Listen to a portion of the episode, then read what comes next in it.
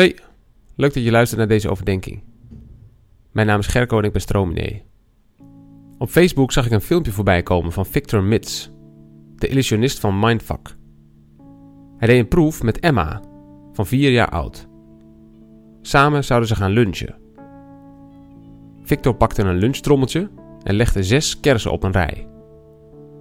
Parallel daaraan legde hij nog eens zes kersen op een rij. Twee rijen kersen, keurig naast elkaar. Welke rij heeft meer kersen? vroeg hij aan Emma. Of hebben ze allebei evenveel kersen? Emma zei: Allebei evenveel. Dat was het goede antwoord. Vervolgens vergrootte Victor in één van de rijen de afstand tussen de kersen. De rij werd zo langer, maar verder veranderde er niks. Opnieuw stelde hij de vraag: Welke rij heeft meer kersen? Of hebben ze allebei evenveel kersen? Nu gaf Emma het verkeerde antwoord. De langere rij heeft meer kersen. Victor herhaalde zijn experiment met drie koekjes. Hij gaf zichzelf er twee. Dat was oneerlijk. Maar verbazingwekkend genoeg was het probleem opgelost toen Victor het ene koekje van Emma in tweeën brak. Het kinderbrein, zo legde hij verderop in de video uit, volgt een andere logica dan het volwassen brein. Jean Piaget, de ontdekker van dit fenomeen, noemde het objectconservatie. Een kind denkt: een langere rij zal wel meer objecten bevatten. Pas later leert het kind wat de meeste volwassenen weten: dat rijen van vorm kunnen veranderen zonder dat hun aantallen veranderen. Een ander soort logica. Dat prikkelt mij. Ik ben opgeleid als filosoof. En een filosoof heeft eigenlijk maar één instrument: het brein en de wetten en de regels die daar gelden. De logica dus. Een ander soort logica is een nachtmerrie voor een filosoof. Dan valt je belangrijkste instrument uit handen.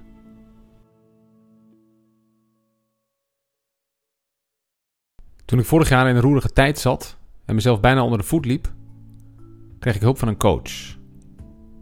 Zij dwong me mijn tempo te verlagen. Door te wandelen, buiten. Ook in december, nu een jaar geleden. Dat deed ik. Hoewel ik eigenlijk niet vond dat ik er tijd voor had. En ze gaf me nog een tip. Je hebt kleine kinderen, zei ze. Tap eens op hun tempo in. Probeer je eens in hun wereld te verplaatsen. Bekijk een dag, een uur, de tijd eens door hun ogen. Ik vond het een openbaring. Mijn kinderen, toen 1 en 3, konden niet anders dan alles nemen zoals het op hen afkwam. Ze hadden nauwelijks tijdsbesef. Geen idee waar ze in de week zaten. Geen gedachten over morgen, alleen gedachten over nu. En een regelmatig drammende vader die iets van ze wilde. Niemand wist waarom. Sinds die tijd probeer ik het regelmatig te doen. Met de ogen van kinderen naar de wereld kijken. En dan specifiek naar het fenomeen tijd. Dan blijkt tijd best relatief te zijn. Dan blijkt het soms misschien helemaal niet te bestaan. Even los van de vraag of kinderen een andere logica hebben, valt in ieder geval vast te stellen dat ze een ander tijdbesef hebben. Anders of domweg afwezig. En met een ander tijdbesef komt een hele andere manier van kijken naar de wereld. Wat een verademing. De afgelopen maanden stonden we bij Stroom regelmatig stil bij de spelende mens. We organiseerden een stroomdag in het teken van spel. En we ontwikkelden een adventskalender waarin we via audio- en videoberichten werden uitgedaagd om in het kerstthema iets te maken. In de Zoom-sessies die daar het resultaat van waren, kwamen een aantal inzichten op het spoor. Soms, soms lukt het om zo op te gaan in het maken of in het spelen dat je de tijd even vergeet. En dat is een heerlijk gevoel. Het is ook kneuterig, maar nou en. De tijd staat stil. Of vliegt voorbij. Of in ieder geval, de tijd verdwijnt. 2. Spelen, maken, vreubelen kan helpen om een gevoel van machteloosheid te verdrijven. De machteloosheid die we voelen in onze gepolariseerde wereld. De machteloosheid als we op de hoogte blijven van het nieuws. De machteloosheid rondom de vluchtelingencrisis, de klimaatcrisis of de crisis in ons eigen leven vanwege het klotenvirus dat onder ons is. Natuurlijk lost vreubelen, spelen, maken niet zomaar iets op, maar spelen of iets maken geeft in ieder geval het gevoel dat je iets doet. Dat is best lekker. Morgen het kerst. God werd mens.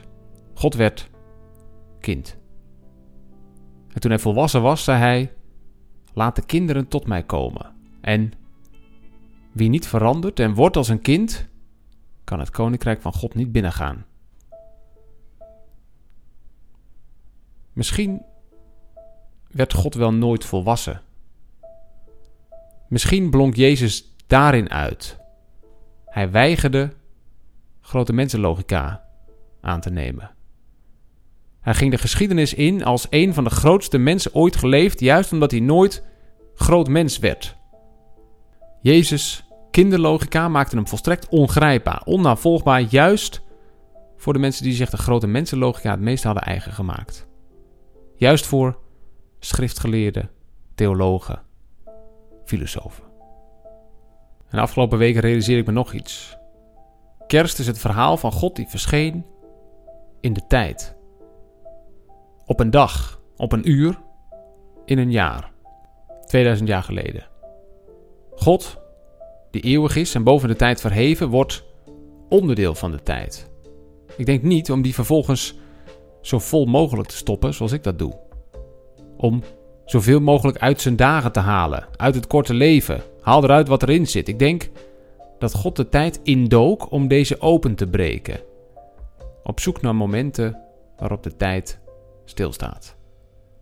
Op zoek naar de spelende, makende, de tijd vergetende mens. Daar is het vergeten van de tijd het bewijs dat de mens tot zijn bestemming komt. Het koninkrijk waar Jezus het over heeft en waar de wetten van kinderen gelden, is vooral, denk ik, een rijk dat niet meer beheerst wordt door deadlines, door rushes, door tikkende klokken. Het koninkrijk van God vindt plaats op de momenten dat de tijd de mond wordt gesnoerd. Dat de tijd buiten spel wordt gezet. Het koninkrijk van God gaat dan ook niet over nu versus later, maar over nu. Nu. Soms nu. Sommige momenten nu. De momenten waarop je de tijd vergeet. Dat zijn godsmomenten. Morgen is het kerst. En als je in elkaar zit zoals ik, zit je op een van de hogere stressgolven van het jaar. Maar ik ben hoopvol. Misschien lukt het mij dit jaar net wat vaker om in te tappen op het tempo van kinderen. Zoals je het herinnert uit je kindertijd. Of wat je ziet bij kinderen om je heen. Misschien lukt het me de komende week, het komende jaar, net iets vaker om een moment van tijdloosheid te vinden. Alsof je in het koninkrijk van God eventjes binnengaat. Momenten, omstandigheden die ons dwingen om het tempo van een kind aan te nemen. Zoals het ooit gebeurde bij een hypergestreste man met een hoogzwangere vrouw, die op stel en sprong een enorme reis moest ondernemen en die te laat aankwam op de plek van zijn bestemming.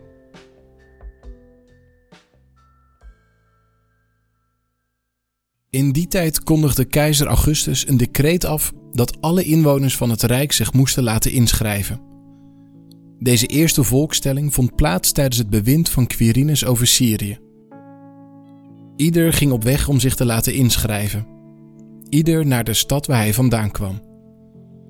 Jozef ging van de stad Nazareth in Galilea naar Judea, naar de stad van David die Bethlehem heet, aangezien hij van David afstamde, om zich te laten inschrijven samen met Maria, zijn aanstaande vrouw die zwanger was. Terwijl ze daar waren, brak de dag van haar bevalling aan en ze bracht een zoon ter wereld, haar eerstgeborene.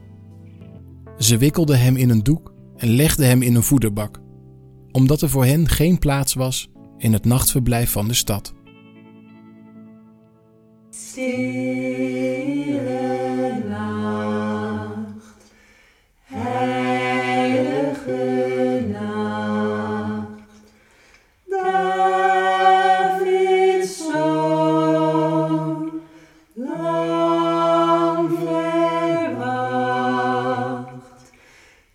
Die